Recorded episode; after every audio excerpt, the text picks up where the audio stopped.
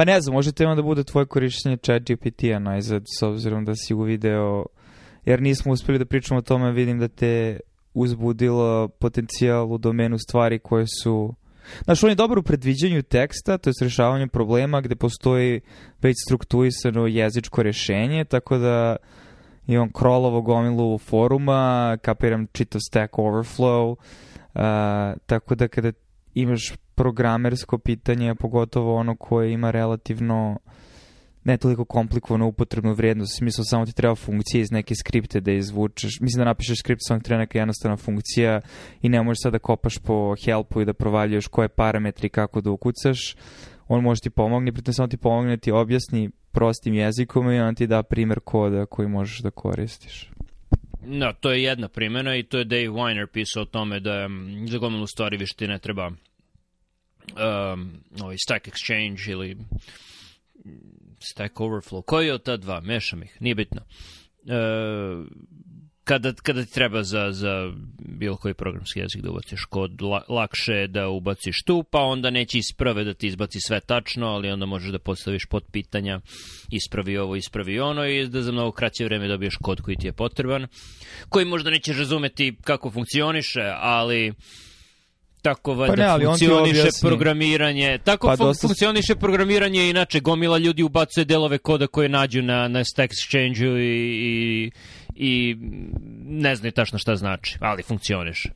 Dobro, jasno, ali opet s druge strane on ti objasni šta, šta, su, šta koja varijabla znači i drugo ubacuje ti komentare u kod, tako da ako i znaš sintaksu tog jezika kojim se služiš, skapiraš, ali opet mnogo je bolje nego da čitaš help meni iz dokumentacije, ja konkretno pričam u RStudio, um, jer ti daje žive primere i, mislim, i ti učiš i onda naučiš da koristiš neke funkcije i onda, mislim, ovaj, ti bude jasno. I naravno, onda najbolje naučiš kad shvatiš da iz nekog razloga kod koji je radio pre ne radi onda provališ i dobiješ grešku, ali onda pritom opet možeš da pitaš chat GPT zašto dobijem ovu grešku i tu malo ovaj, više treba ono improvizacija, jer ne može ni on sam da zna, jer ne, nekada uglavnom je interakcija između uh, delova koda koji interaguju sada na nove načine i često je problem u stvari, znači sa Arom sam imao problem zato što ono imaš različite library koji ima različite pluginove i onda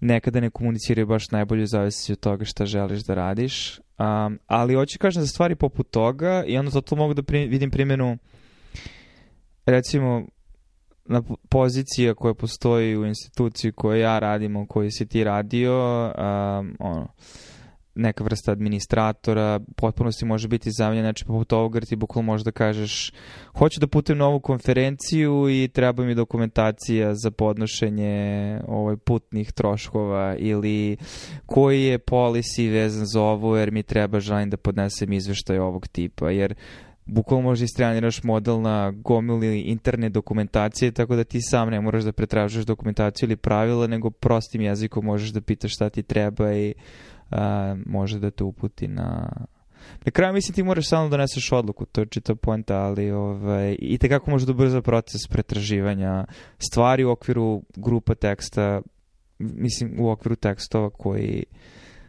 kojima bi ti svakako imao pristup. Mm, nisam siguran koliko je to ispravni način gledanja na funkcionalnosti korist od chat GPT-a, zato što na neki takav upit ti ćeš dobiti odgovor, ali nećeš moći da budeš siguran da je taj odgovor tačan.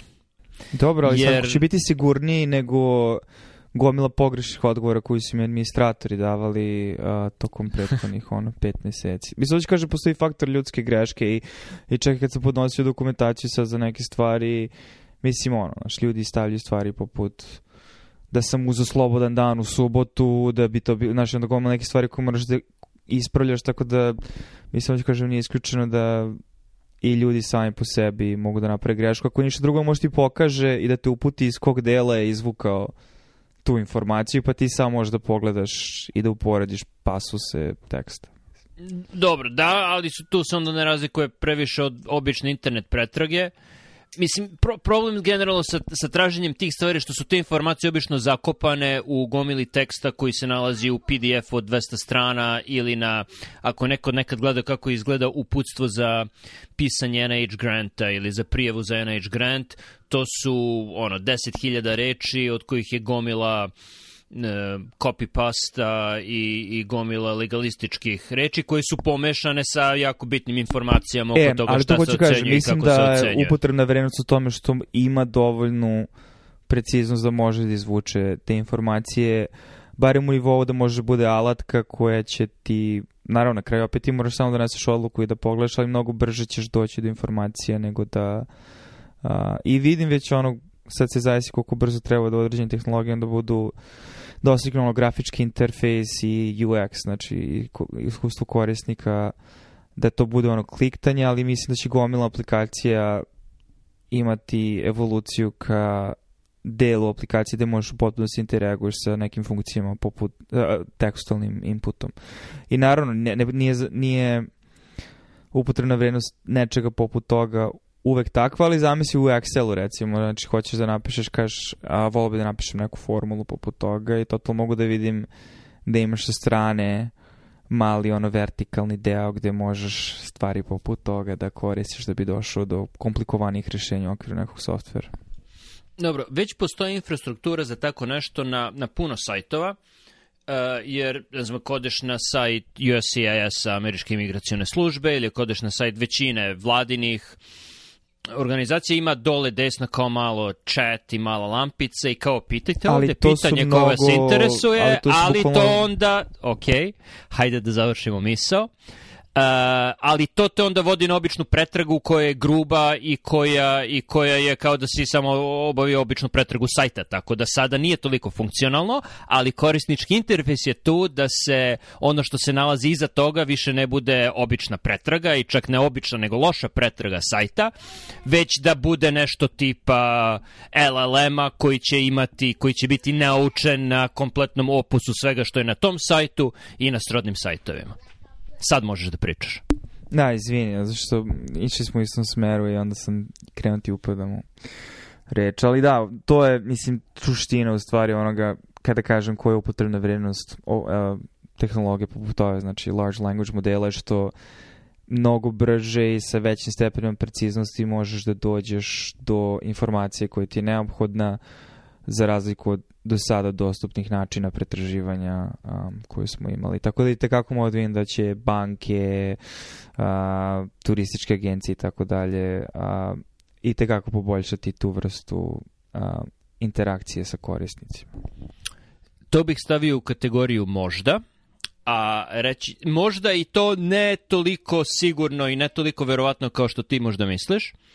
Prvo ću reći pre nego što kažem zašto mislim možda, reći šta mislim da je sigurno upotreba dobra, to je generacija BS-a administrativnog, primjer iz ličnog života, dete ima viralni konjunktivitis, e, školi treba poruka e, lekara kao doctor's note da dete može da se vrati u školu, ja pitam, ok, ja sam lekar i roditelj, da li je u redu da roditelj koji je lekar napiše to, da li moram da govorim kod pedijatra? Oni kažu, ne, ne, to je čisto administrativno, treba nam neko pače papira koje ćemo da zavedemo. Ok. Uh, treba ti ono, treba da izgleda zvanično, ne mogu da napišem na, na ono salveti, pustite da mi dete ide u školu, a neću da trošim mentalne cikluse da smislim koji je ispravni formalni način da to napišem, a nemam trenutno, nemam pedijatrijsku praksu, obično pedijatri imaju već formulare koji se popunjavaju, to nisam imao, tako da pitam ChatGPT, ok, ja sam roditelj, i lekar i hoću da napišem pismo gde škola će pustiti moje dete sa konjunktivitisom da pohađa nastavu. I za dve sekunde, bam, izađe kompletan tekst i ono copy-paste, ubaciš podatke o školi i detetu i završio si to. I mislim da je ta generacija administrativnog bijesa, tu nemam sumnje jer tu imaš proveru, ono, da li ovo izgleda kako treba, ako izgleda, ako ne, onda neke minimalne modifikacije napraviš. I za to mogu ono 100% da, da kažem da ono mogu da predarim da, da za ono godinu, dve ta, takva vrsta komunikacije će, će uglavnom biti kompjuterski generisana. Ne, ljudi će mnogo manje vremena trošiti na, na, na stvaranje toga, a toga će verovatno biti sve više jer tako te stvari idu. Znači to, to zavodim pod sigurno.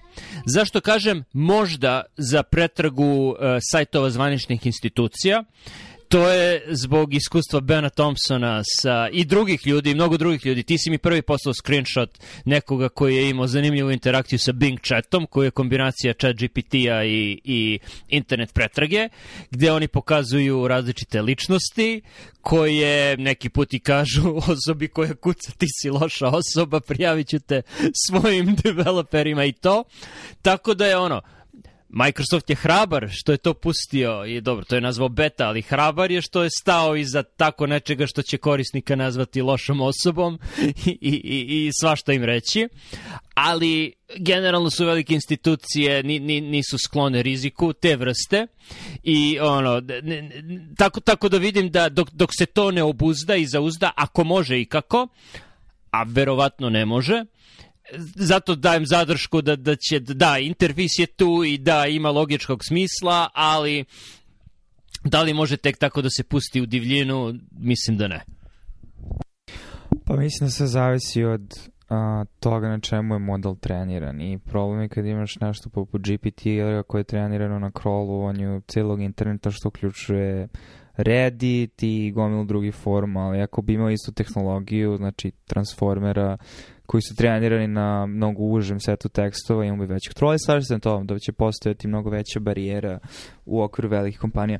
Ali uh, zanimljivo to što si rekao da, da će biti dobro za generisanje BS stvari, jer sam video, već ima sad neko vreme, ali bukvalno, mislim kao mimo u principu, ali slika gde imaš znači zamisli ono tri faze. Znači prva faza je uh, ovo je moj email, atečujem ovaj dokument koji vam treba, uh, napiši mi profesionalno i onda imaš chat GPT koji to uh, pretvara u BS oficijalni email.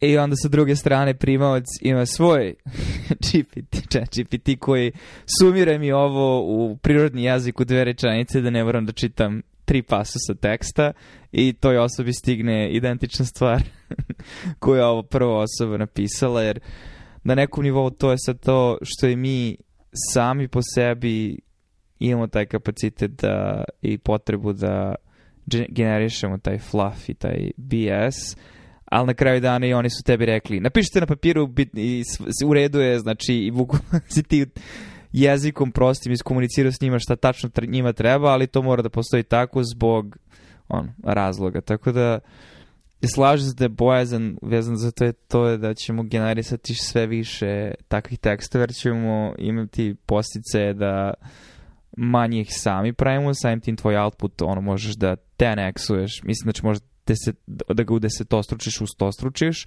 a u isto vrijeme sa druge strane možeš da imaš istu tehnologiju koja će ti onda sažimati i procesirati sav taj BS na nešto što je čitljivo i razumljivo tako da uviđam u nekim domenima vrlo uskoro generisanje sve veće količine BS.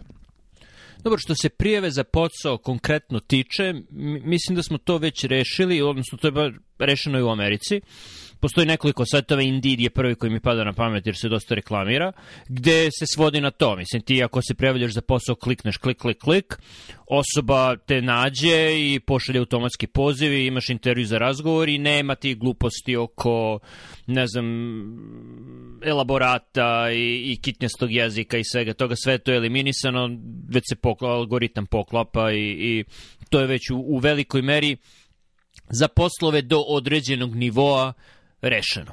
Sad, ako se neko odluči da ne ide preko Indeed, nego izbaci ovako oglas i stvari, nikad se nisam prijavljivo za posao na taj način, tako da ne znam kako to izgleda, ali e, za većinu stvari postoji Indeed.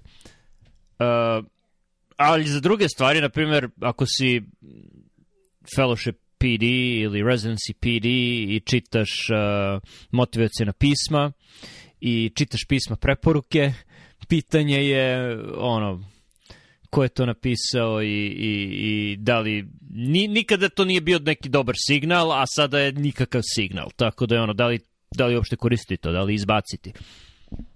Potpuno iz upotrebe.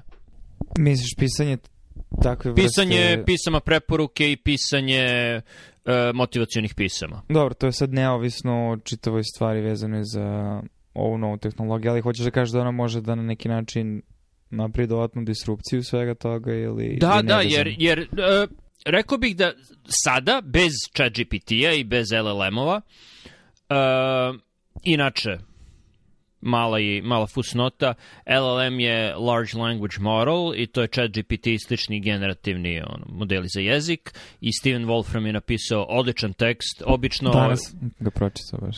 Da, jest obično, deo, pošto je. Obično on voli da nabacuje dosta reči i treba mu urednik da sve to sredi, ali za ovakvu vrstu teksta, za ovakvu vrstu teme je njegov stil pisanja odličan, tako da je baš dobro napisao i ono u, u, u sitna crevca razložio uh, kako funkcioniše. Kraj fusnote. Uh, bez toga postoji signal, postoji korisna stvar da ako ti čitaš nečije motivacijono pismo, i, vidiš uh, jezičke greške, logičke greške, stilističke greške, vi- vidiš da, da, da gramatičke, vidiš da, da ne izgleda kako treba, to je ono jak signal da osobi koja to piše ili nije stalo do stvari za koje se prijavljuje, ili da im jeste stalo, ali nemaju ono dovoljno mentalnih kapaciteta ako je posao da budeš orijentisan ka detaljima i da umeš da pišeš, ne znam, dekurzuse i, i, i ove otpustne liste, e, ako im je to u opisu posla, možda nisu baš najbolji kandidat za taj posao. Tako da sada i daje nekakav signal, kakav takav. E, kao i što ako vidiš neko pismo preporuke koje je lično, koje da- daje detalje, koji, koje ne možeš, nisu onako generički, nisu ova osoba je jako prijateljska i tralala. E, ako vidiš da je nešto jako precizno, specifično i to je signal da je osoba koja je pisala to pismo preporuke odvojila ako ništa drugo ono 15 minuta, 20 minuta da se posveti CV-u osobe čije pismo preporuke piše tako da je i to signal zainteresovanosti. Ali ako za proizvodnju gramatički ispravnog i stilistički jasnog teksta sada nije potrebno uložiti ni, ni minut mentalnog napora, nego je to ovako, a ti možda potrošiš 30 sekundi da pročitaš lepo i da vidiš da, da, je, da, je, da je to ono što si hteo da kažeš, to je, to je sada nikakav signal. Znači, tu više nema signala. Jasno, znači signali koji su pre bili vredni u okviru samog pisma i to nije bio sad samo sam sadržaj koliko i oblik i struktura i logički sled kažeš da je sada to zahvaljujući ovome i mnogo lakše zamutiti sa tim vrednost tih signala postaje upitna. Tačno tako. Da. Um, da, mogu to da vidim. Um, ali ne znam da si vidio Doximity sada ima svoj LLM gde ti pomaže u pisanju uh,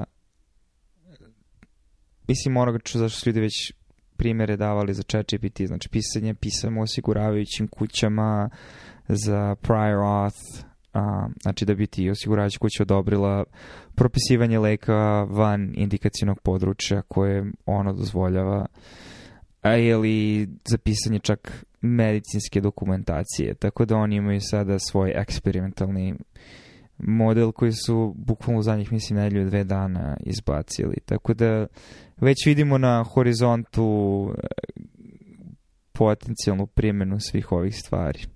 Već je Slušaj, samo za zanimljivo što će dosta ovih stvari biti zaključeno iza ono korporativnih vrata. Da. To je, to je jedna stvar, zove se OpenAI, a nije otvoren. Microsoft ima 49% i ako hoćeš i sada da mu pristupiš uh, za vreme ono, najzauzetih perioda mora da platiš koliko, 21 dolar mesečno. To je jedna stvar, mada Bing Chat je slobodno dostupan ako si upao u, u, u betu. Uh, ali to je, to, to je korisno, na primjer. Ne bih to, ako postoji varijanta da ti uh, on pročita ono što IMR generiše kliktanjem na, na checkboxove i da to prevede u nešto što je čitljivo, to je, to je on, korisna stvar.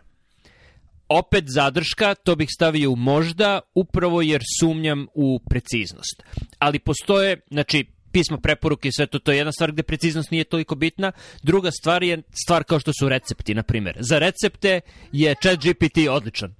jer tu da li je 100 grama ili 120 grama nečega nije toliko bitno.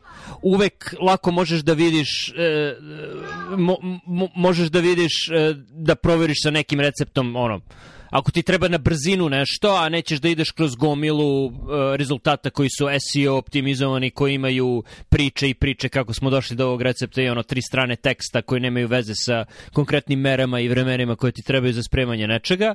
Uh, samo dobiješ ako pitaš daj mi recept za, ne znam, pot roast u instant potu, izbacit će ti brzo šta je i kako. Ok, ispravo sam mislio pričaš o receptima za lekove i kad si krenuo pričaš o gramima, onda sam skapirao da pričaš o hrani. Um, Da, i već sam vidio primjer, u stvari bio thread na Twitteru gde su koristili chat GPT da bi napravili tematsku fuzijonu večeru gde su rekli, ne znam, dolaze nam ljudi i želimo da napravimo večeru fuzije dve različite kuhinje, da li možeš da nam daš neke primere i onda je on dao nekoliko primera. Znači, bitno je kako ga promptaš. I onda su oni odobrali, aha, ok, sviđa nam se, i sad slagaću, ali mislim da je bila tipa ono, da, grčko-indijska, kao, uh, grčko-istočno-mediteranska sa indijskom. I ok, kao ok, ajde sad želimo da nastavimo sa tim, daj nam primere nekih stvari koje bi generisao na tom meniju. I onda je dao neke primere da su bile stvari, neke su zvučale ok, možda nije najbolja ideja, ali drugi su bile ok, kao feta sa, ražnjići sa fetom ili tako nešto. Ili a, ono, sarmice kao dzelja, ali kao samose, mislim, u smislu da ide. Tako da je bilo neke stvari koje su delovale koliko toliko zanimljivo i ako ništa drugo mogu da ti skrati količinu vremena neophodno da napraviš nešto, eto, kao i onda su onda napravili tu večeru i doveli ljude i kao ispalo je uspeh, ali više je to bio, znači, tvojim promptovanjem i onda tvojim odabirom stvari koje ti on da, ti njega navodiš da te na kraju dovede u to interakcije do nekog konačnog rešenja što bi mnogo brže i lakše bilo nego da si sam pretraživao i... Na, interakcija je tu bitna jer ti može da kažeš ako ti da jednu stvar koja ti se baš ne sviđa neki sastojak, može da kažeš da li može da mi daš taj recept, ali bez toga ili, da, ili sa čim mogu da zamenim ovo, jer nemam to trenutno u kuhinji, u špajzu, kako god. Tako da se po toj interakciji razlikuje od običnog sajta sa receptima, na primjer.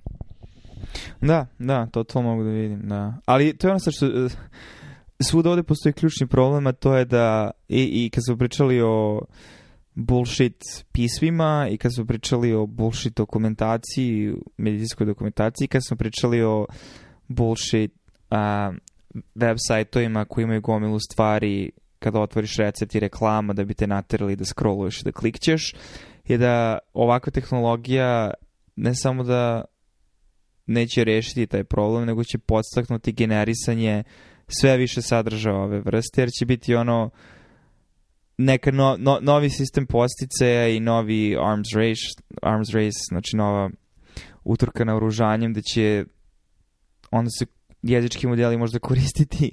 Mislim, već sad ljudi koriste ovo za SEO, za, za pisanje ono, sadržaja na internet stranicama koji su polu reklamnog, polu promotivnog, znači on, marketinške svrhe. Tako da deluje mi da će generacija bullshit, ono da je ovo sad jedan eksponent koji dodajemo, ne već poznatu funkciju, s obzirom da je on, količina trenja, on, frikcija da dođeš do toga više struko manje. A da, kad smo pričali o tome zašto je ovo rizik po Google, to je bila jedna od stvari. Generisat će BS do, do te mere da, da Google algoritmi više neće moći da se snađu u moru BS-a. A ni sad se ne snalaze baš najbolje. Da. E sad, da li je to što, što su LLM-ovi dobri za, za stvaranje BS-a, da li to znači da je sve ono što stvore, sve ono što oni stvore BS, ili je ono blisko BS-u, to je zanimljivo pitanje. Rekao bih ne baš, jer ono, dobri su u pravljenju recepta, recepti su nešto što je ono proverljivo i, i i uh, ono, možeš da testiraš u odnosu na stvarnost, ali sa druge strane, da li kad čitaš neki recept možeš da znaš da li je dobar ili ne pre nego što probaš, mislim da ne. Tako da ono, da li postoji rizik da će ti dati recept za nešto, a u stvari ti napraviš i ispadne BS, ispadne neka splačina, moguće je. I da li, šta to znači za ono što, ako proizvede nešto i to je toliko blisko onome što, što je stvarno što ljudi proizvedu, da li to znači da i taj ljudski proizvod u stvari BS kad, kad, se, kad se sve sabere? Pisma preporuke i, i motivacijna pisma su jedno, ali gledao sam, odnosno čitao sam na, na blogu ovog Gelmana, ima nekoliko pisaca, jedan od pisaca je pisao gomilu pitanje postavio chat GPT-u i jedno od tih je bilo da chat GPT bude DM za D&D kampanju. I i bio je odličan DM i odlično je vodio kampanju. I, i on je izabrao je i setting za kampanju i, i ono, ono piše, ok, bacili smo ovo, desilo se ovo i onda chat GPT odgovori šta se dešava i mogo je potpuno da zameni, da zameni ulogu DM-a u, u kampanji. Uh, dost, rekao si, mislim, on, sledstven tok misli, ali mislim da ima više aspekata koje valja razložiti ili barem kako ih ja vidim. A, prvo, ja ne mogu, a da ne da mi ne padne okvir na pamet onoga o čemu pričamo već neko vreme, to je ono različite vrste znanja koje uključuju propozicionalno znanje ili nešto što se jako blisko preklapa sa Talebovim uh, znači ovo je Vervekijev termin, ali što se preklapa sa Talebovim verbalizmom, samo što Talebov verbalizam uglavnom ima negativnu konotaciju, ali podrazumeva znači oblik um, znanja za nas koji se zahteva na verovanjima i modalitet je jezik. I jezik kao tehnologija, znači govor, je nešto što visoko kompleksnu multidimenzionalnu stvarnost svodi na i pojednostavljuje, što sa sobom nosi s jedne strane određeni nivo funkcionalnosti, jer olakšava kooperaciju u trodimenzionalnom prostoru među jedinkama, ali sa druge strane nosi opasnost, a pogotovo kad pređe u sofizam, um, od zabluđivanja samog sebe ili namernog zabluđivanja drugih ljudi. To se sad dotiče i bullshita i Frankfurta, o čemu smo pričali, da li možda bullshituješ samog sebe ili koliko, mislim, oblika svega toga. A, znači, to je jedan deo i mislim da je poenta koju si izneo na nivou recepta, mislim da se na, ne, na neki način u, prodire u srž toga, to je da a, takav propozicijalni oblik znači znanje ili znači generisanje teksta ima smisla onoliko koliko možemo da istestiramo a, to na stvarnom fizičkom svetu i da dobijemo feedback od stvarnosti da li je to bliže istini ili ne.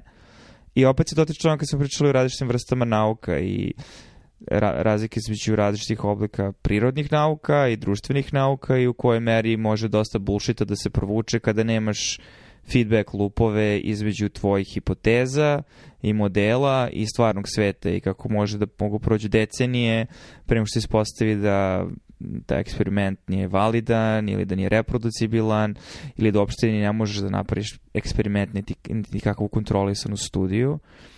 Um, tako da postoji više nivoa toga i mislim da ono Znaš, model je sam po sebi, jezički model je jezički model i on, znači poša, podelite link Wolfram, ako ništa drugo, barem ja sam pročitao prvih 20 posto i onda kad se krenuo dalje da scrollujem, bio sam, ok, ovo će trebati više, više od pola sata da se pročita. Ali... To je, čovjek je napisao knjigu, ovo može bez problema da bude knjiga. Ima sigurno više informacija nego većina knjiga.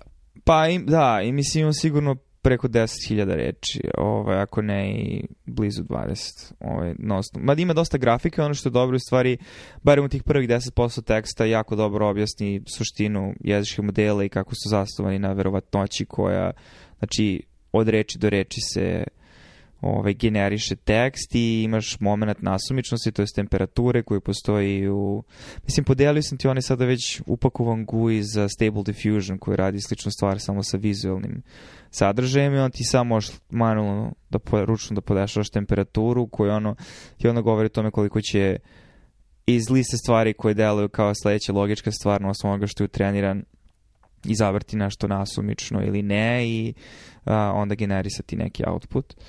Da ne idem previše u stranu, ali da se vratim samo na temu. A, tako da podijeli taj tekst, ali čitava poenta je da je model je sam po sebi model i dobar je onoliko koliko su dobri izvorni tekstovi, garbage in, garbage out. Tako da ako ti modelu poput ovoga istreniraš ga na gomili sjajno napisanih knjiga za Dungeons and Dragons ili Pathfinder kampanje koji sebi nose određenu upotrebnu vrednost jer su ljudi utrošili. To čitav point što ljudi gledaju na ovo kao na neku magičnu alatku koja generiše stvari iznova, ali vrlo je jasno da su to stvari koje već postoje i ovo sad samo pravi sintezu tih stvari koji nisu ni na toliko, mislim, kreativni način možda zato što ti sam kroz interakciju ti možeš doći do novih zaključaka, ali na kraju dana i Mislim, pogotovo u domenu slika, ljudi su pokazivali koliko neki outputi su bukvalno ono jako blizu plagijatima jer u potpunosti kopiraju stilove stvarnih stvari koji su ljudi napravili. Znači nije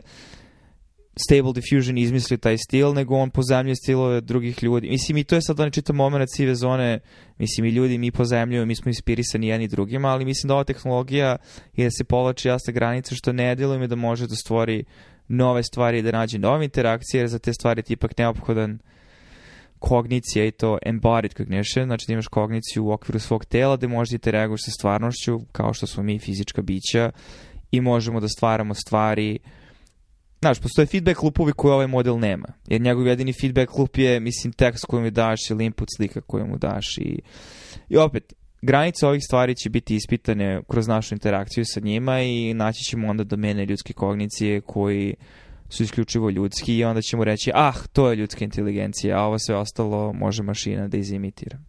Ali, ali, kako gledamo različite aspekte inteligencije, je, ne samo inteligencije, različite stvari koje nam deluju kompleksno, iznova, iznova se, se nađemo u situaciji gde vidimo da u stvari da iza te kompleksnosti stoji uh, skup relativno malobrojnih jednostavnih pravila koje, iz koje izrasta ta kompleksnost.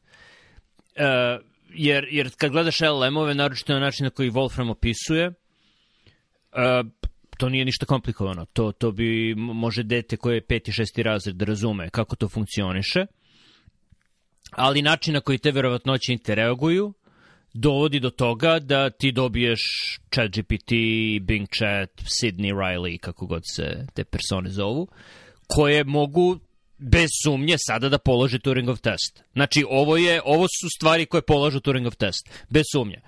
I sad, da li to znači to da je samo Turingov... govori o Turingov testu. Kaže da. Pa da, upravo si pomerio stativu. Znači, uh, 50 godina, znači, ono, kad, kad je, kad je ovaj Hofstadter pisao uh, Gede Lesher Bach, bilo igranje šaha, kao da, da, sve to super, ali mašine nikada neće moći da igraju šah. I onda mašina igra šah bolje od čoveka, a ne, to nije pravi znak inteligencije. Ali tu nam je Turingov test. Došli smo do Turingovog testa, da, to ti samo govori o tome da Turingov test nije. Uh, stalno pomeramo stative, što meni govori da ono, upoznaj samog sebe, mi nemamo pojma o, o samima sebi, šta je to jedinstveno što, što deli čoveka od svih tih različitih mašina, da li je to samo, samo pod navodnicima, kombinacija svega toga, jer da, postoji algoritam koji može super da igra šah i da, postoji algoritam koji može da priča sa tobom online da ne prepoznaš da je u pitanju mašina, ali ne postoji algoritam koji je jedno i drugo. AGI još uvek ne postoji. I sad, da li je AGI u stvari kombinacija tih gomile različitih malih algoritama ili je i AGI, Artificial General Intelligence, veštačka generalna inteligencija, da li je i to samo pod navodnicima skup jednostavnih pravila, samo još uvek nismo došli do tih pravila.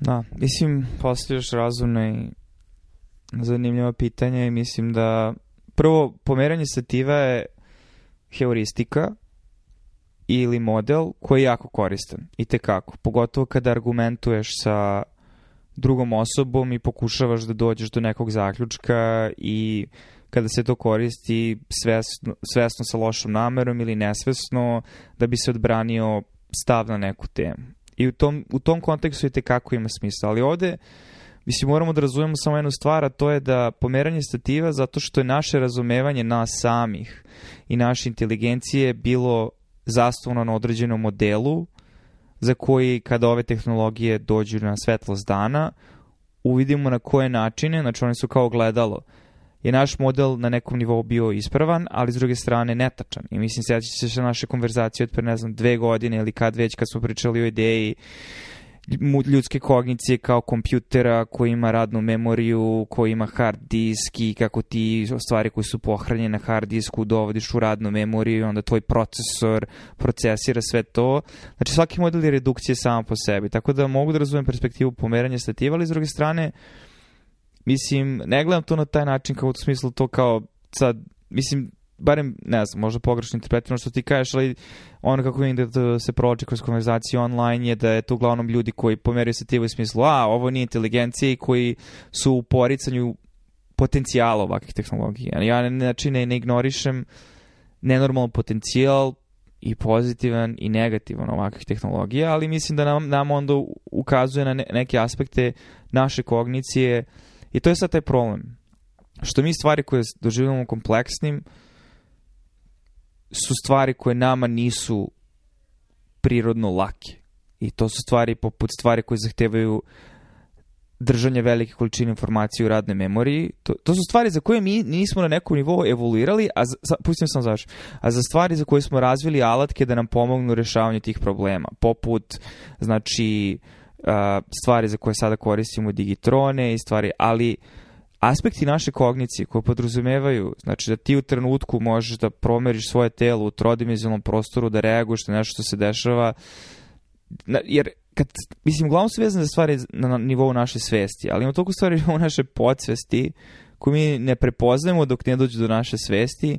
Znači ti u totalnosti možeš se isključiti dok voziš na autoputu, dok se ne dođe do neke kompleksne situacije gde tvoj mozak na nekom nivou prepozna da nešto iskače iz obrazca, nešto se pojavilo u tom vidnom polju, neki nagli zvuk i odjednom se tvoja svest uključi, ok, hajde da rešimo sad ovaj problem.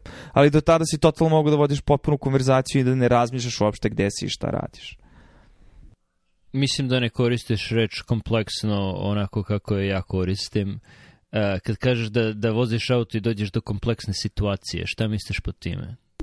Uh, nenadane situacije koje ima znači nova vrsta problema koju nisi naučio da rešavaš ili u smislu koji nisi, nemaš iskustva da rešavaš na nivou znači potpuno čiste ono, proceduralne motorike. U smislu, misliš, kad misliš si na autoputu i pretičeš auto, kad si prvi put učio to da radiš, to je bila novo nastala situacija koja je imala gomilu varijablu u tom trenutku na koju si morao da obraćaš svesnu pažnju, ali što više puta to radiš, to se više to spušta na tvoje bazalne ganglije ili nazovi to kako hoćeš i sada ne razmišljaš mnogo kad pretičeš auto. Imaš ideju da želiš tvoj auto da bude, imaš ideju gde si ti sada, imaš osjećaj gde je drugi auto u prostoru i onda ti samo engageuješ, misli ti kažeš uradiš stvari u kojima ne, ne, razbi, ne dovediš do nivoa svijesti i sada ću da povučem ručicu, uključit ću žmigavac, prebacit ću brzinu, okrenut ću volan pod ovim uglom zato što se krećem ovom brzinom i autoput se skreće takođe malo, nego jednostavno uradiš to automatski. Ali ako bi ti u jednom trenutku neko iseko sa leve strane uskočio, u tom trenutku ti postaješ svestan i sad treba da rešiš tu situaciju jer je to došlo do tvoje svesti. A do tog trenutka si pričao sa mnom, recimo, o nečemu gde si koristio svoju svest da razmišljaš o tome, a ne o tome što radiš na putu.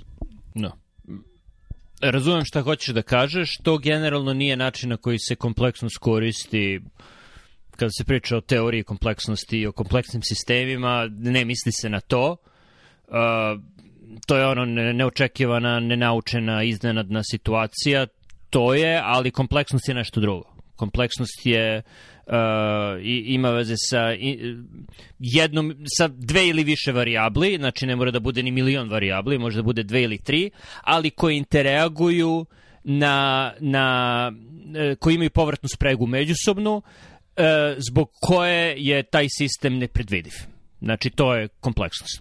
Ok, ja sam da se ogradim ovoga. Znači, ja sam upotrebio tu reč ne da bi se nastavio na tvoju argumentaciju od ranije i razumem kako ti Znači, definišeš, razumiješ, znači ti pričaš sad o emergent propertiesu i znači cellular automata, znači to je, to je okvir. Uh, ali da, to, kaži, to, da, to ide u kompleksnost. Ali kad da. sam ja upotrebio tu reč, nisam, upotrebio sam je u kolokvilnom smislu da bi samo naznačio odnosio se na drugi deo tvog izlaganja, pošto je bilo nekoliko stvari koje sam teo da adresiram, a možda to nije najbolja reč za upotrebiti u trenutku kada znam da si ti već tu reč upotrebio. U drugom delu izlaganja uh, a znajući šta podrazumevaš po time da ćeš se uhvatiti za to, ali hoću da kažem, znači da se vrati samo na poentu čitavo, hoću da kažem da postoje aspekti naše kognicije koji tek nama sada postanu jasni koliko nisu jednostavni za razumeti, kada smo naši načine da neke stvari koje smo smatrali da smijem da potrebim reč komplikovanim, mislim da to onda izlazi iz domena semantičkog dovoljno da može da ima upotrebnu vrednost. Znači, aspekt naše kognicije koje smatrali komplikovanim, a, sada se ispostavlja da su jednostavniji zato što je jezički model može da reši gomilu tih problema. Da, i pitanje je svaki put kad, kad pomeramo stativu, da li smo je pomerili zato što smo shvatili da taj model nije dobar ili polako se približavamo istini, ono, bliži smo i bliži i stativu pomeramo ka, ka većoj istini. Da li je... Mislim da, da li je jer novo pomerana stativa nam otvara nova polje, nove hipoteze i nove načine da rešavamo nove probleme koji su nam sada jasnije definisani, jer smo rešili pređašnje probleme i sada treba da provalimo, ok, da li može auto da vozi sam sebe na autoputu? Da li može, razumeš, robo da se kreće u trodimenzionalnom prostoru koji ima gomilu variabli? Efektivno. Mm. Uh, izabrao si zanimljiv primer uh, vožnje automobila i nečeg neočekivanog što će da se desi, jer u toj neočekivanosti leži verovatnoća, a verovatnoća je i, i u srži LLM-ova, u srži ovih modela do kojih dolazi chat GPT. E, čak je i, i, i oni algoritmi koji igraju šah i oni su verovatnoća i sve tu verovatnoći i u našem očekivanju onoga što će se desiti u budućnosti koja je verovatnoća da će se desiti XY Z. Tako da, da mislim da u tome leži ono gde, gde stative treba da budu, ali moje pitanje je bilo ok, pomeriš stativu jednom sa jednog mesta na drugo, sa igranja šaha na Turingov test, pa ga pomeriš sa Turingovog testa na ne znam šta je sledeće, samovozeći automobili, šta god. Da li je Turingov test bliži istini, bliži uh, opštoj uh, veštačkoj inteligenciji nego što je bilo igranje šaha? Da li se tako približavamo? Ne znam. Ne znam, zato što nismo napravili opšto veštačku inteligenciju. Ako i kada je napravimo, mnogo će nam u retrospektivi biti jasnije i mislim da neće biti rezultat, mislim, bit će kombinacija iteracije, otkrića, ali koje su, na koje smo uglavnom nabasali a, nasumično. Mislim što je bio slučaj u ostalim aspektima. Mislim, hoću kažem, ne želim da isključim mogućnost da, možemo, da ćemo doći do stvaranja a, da će doći do stvaranja generalne veštačke inteligencije, ali da pre toga mnogo bolje moramo da razumemo šta uopšte generalna inteligencija znači i mislim da naši dosadašnji modeli na tom nivou jesu ograničeni. Da, ne bih se složio sa vremenskim tokom. Mislim da ćemo prvo napraviti veštačku, generalnu veštačku inteligenciju, pa ćemo onda shvatiti šta ona znači. Jer obi, obično, to. je to, obično je to tok otkrića. Prvo uradiš nešto, a onda shvatiš zašto je to bitno. E, što je problem? Što je problem? Mislim da to neće biti planski. Mislim da I to je ono o čemu sam pričao i, malo sam i pisao da sada imaš Microsoft, imaš Google, imaš ko zna koliko uh, velikih korporacija i, i malih nepoznatih koje, koje on, imaju startup neke fondove.